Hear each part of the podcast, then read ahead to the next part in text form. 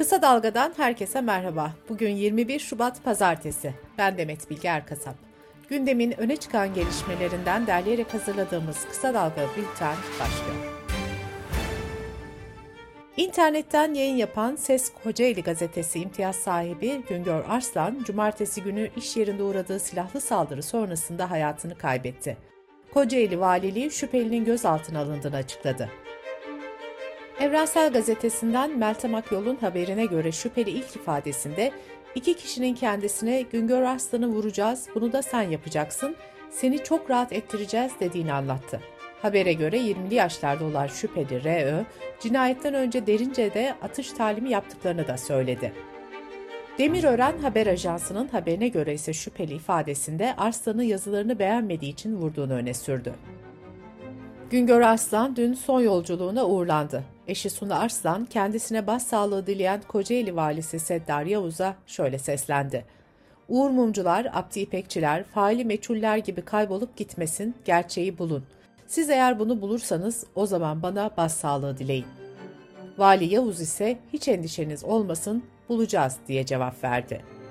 Bu arada Güngör Arslan'ın 4 yıl önce uğradığı saldırının ardından çektiği videoda öldürülen ne ilk ne de son gazeteci olacağım dediği belirtildi.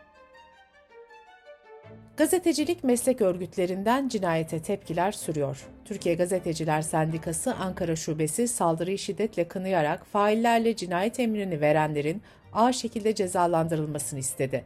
Sınır tanımayan gazeteciler Türkiye temsilcisi Erol Önderoğlu da yaptığı açıklamada daha önce de saldırıya uğrayan Arslan'ın yolsuzluklar konusunda yazdığı yazılardan dolayı cesareti nedeniyle takdir edildiğine dikkat çekti. Uluslararası Gazetecileri Koruma Komitesi de şu açıklamayı yaptı. Türk makamlarından gazeteci Güngör Arslan'ın öldürülmesinin gazeteci olmasıyla bağlantılı olup olmadığının derhal ve şeffaf şekilde araştırılmasını talep ediyoruz. HDP eş genel başkanı Mithat Sancar seçimlere ilişkin şu açıklamayı yaptı. Milletvekili seçimlerine ayrı girebilir ama Cumhurbaşkanlığı seçimlerinde ortak aday olmalı. Biz ortak aday fikrine açığız. Eğer ortak adayda anlaşılırsa biz destekleriz. Bu ittifakta yer almak değildir. CHP İstanbul Milletvekili Sezgin Tanrıkulu'nun seçmeli dil derslerine ilişkin soru önergesini yanıtlayan Milli Eğitim Bakanı Mahmut Özer, 2021-2022 eğitim öğretim yılında 20.265 öğrencinin seçmeli dil olarak Kürtçeyi tercih ettiğini açıkladı. Halk arasında baharın müjdeleyicisi olarak bilinen Cemre'nin ilki havaya düştü. Sıcaklık ve sıcaklığın yükselişi anlamlarında kullanılan Cemre, 26 Şubat'ta suya, 5 Mart'ta ise toprağa düşecek. Covid-19 gelişmeleriyle bültenimize devam ediyoruz. Sağlık Bakanı Fahrettin Koca, çarşamba günü yapılacak toplantıyı işaret ederken maskelerin ne zaman çıkacağı konusu da dahil bundan sonra neler yapılacağını net bir şekilde ifade edeceğiz demişti. Koca'nın bu açıklamalarının ardından akıllara maske kullanımı kalkacak mı sorusu geldi. İstanbul'da eczacılar maske satışlarının pandeminin ilk günlerine kıyasla yarı yarıya düştüğünü söylüyor. Göğüs hastalıkları uzmanı Profesör Doktor Muhammed Emin Akkoyunlu ise maskeyi kimse çıkarmasın uyarısında bulunuyor. ABD Başkanı Joe Biden, 2020 yılının Mart ayında COVID-19 pandemisi nedeniyle ilan edilen ve 1 Mart'ta süresi dolacak olan ulusal acil durumun kamu sağlığına yönelik riskin sürmesi nedeniyle uzatılacağını açıkladı. 95 yaşındaki İngiltere Kraliçesi Elizabeth COVID-19'a yakalandı.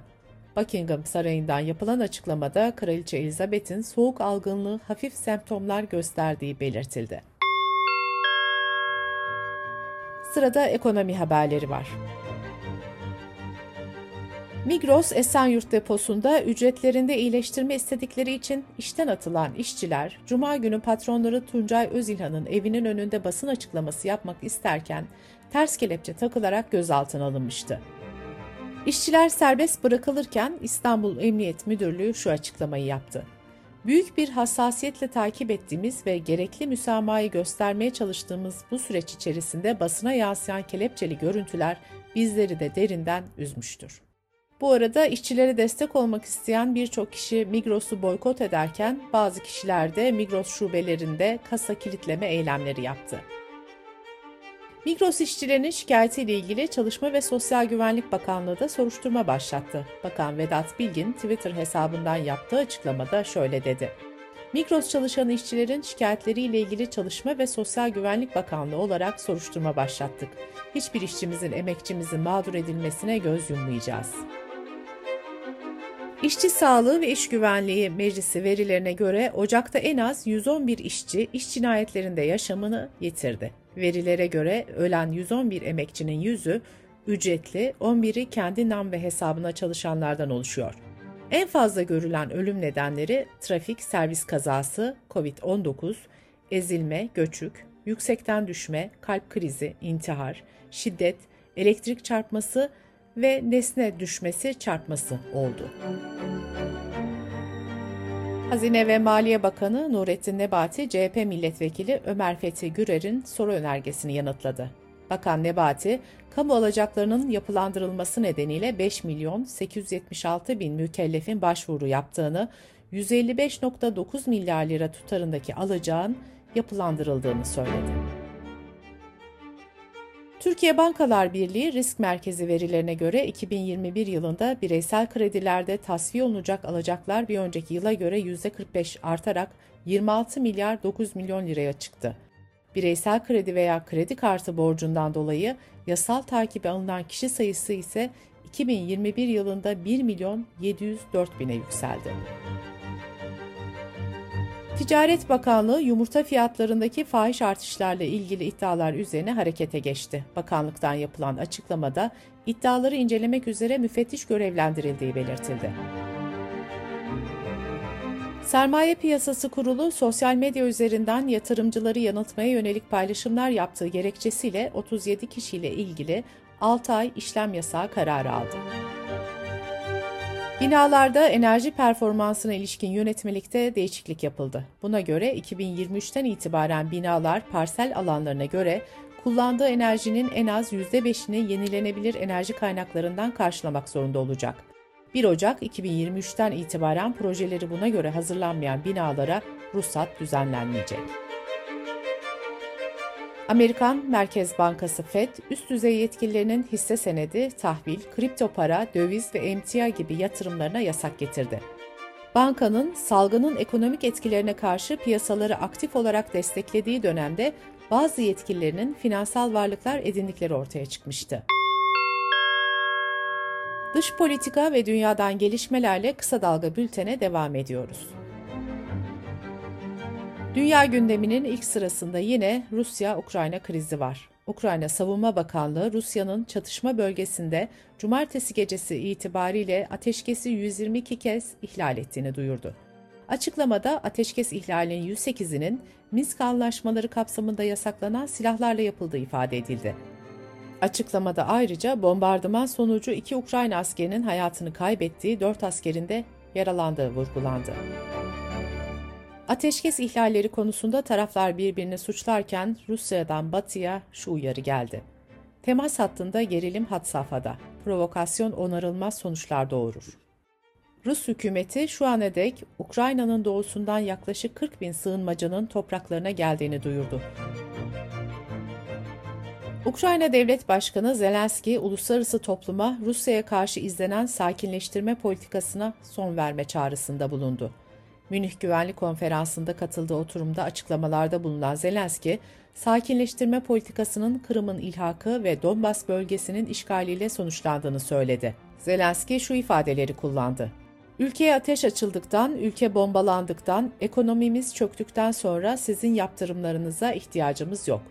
Bizi kimin öldürdüğünü biliyoruz, bu askeri grupların kim olduğunu biliyoruz. Biz yaşamak istiyoruz, kimseye saldırmıyoruz ama her türlü saldırıya yanıt vermeye hazırız. Avrupa Birliği de Rusya'ya sınır hattındaki birliklerini geri çekme ve gerginliği azaltma çağrısı yaptı. Açıklamada Rusya'nın Ukrayna'ya yönelik askeri saldırısı büyük sonuçlara ve ciddi maliyetlere sebep olacaktır ifadeleri kullanıldı. Cumhurbaşkanlığı sözcüsü İbrahim Kalın krize ilişkin şu açıklamayı yaptı. Ukrayna bölgesinde yaşanacak bir kriz herkesi olumsuz yönde etkileyecektir. Biz karşılıklı atılacak adımlarla gerilimin düşürülmesi için bundan sonra da çalışmalarımızı, girişimlerimizi yoğun şekilde devam ettireceğiz. Cuma günü İngiltere'de başlayan ve Avrupa'nın geniş bir bölümünde etkili olan fırtına sonucu en az 16 kişi öldü. Resmi verilere göre ölüm vakaları İngiltere ve İrlanda Cumhuriyeti'nin yanı sıra Belçika, Hollanda, Almanya ve Polonya'da meydana geldi. Avrupa genelinde milyonlarca ev elektriksiz kaldı, ulaşım ağları etkilendi. Alman medyasının Zeynep fırtınası diye adlandırdığı şiddetli rüzgar Hamburg'da şiddetli dalgaların yarattığı su baskınlarına neden oldu. Oyuncu Brad Pitt, eski eşi Angelina Jolie'ye Fransa'da yıllar önce birlikte satın aldıkları bağdaki hissesini sattığı için dava açtı. BBC Türkçe'deki habere göre Brad Pitt, eski eşiyle birbirinden izin almadan hisselerini satmamak üzere anlaşma yaptıklarını söylüyor. Fakat dava başvurusundaki iddiaya göre Angelina Jolie kendi hissesini bir Rus oligarka ait içki şirketine sattı. Jolie henüz suçlama hakkında bir yorum yapmadı. Bültenimizi kısa dalgadan bir öneriyle bitiriyoruz. Rusya ile Ukrayna arasında aylardır süren gerilimde sular durulmuyor. Olası bir işgalin Rusya, ABD ve Avrupa'ya sıklıkla konuşuluyor.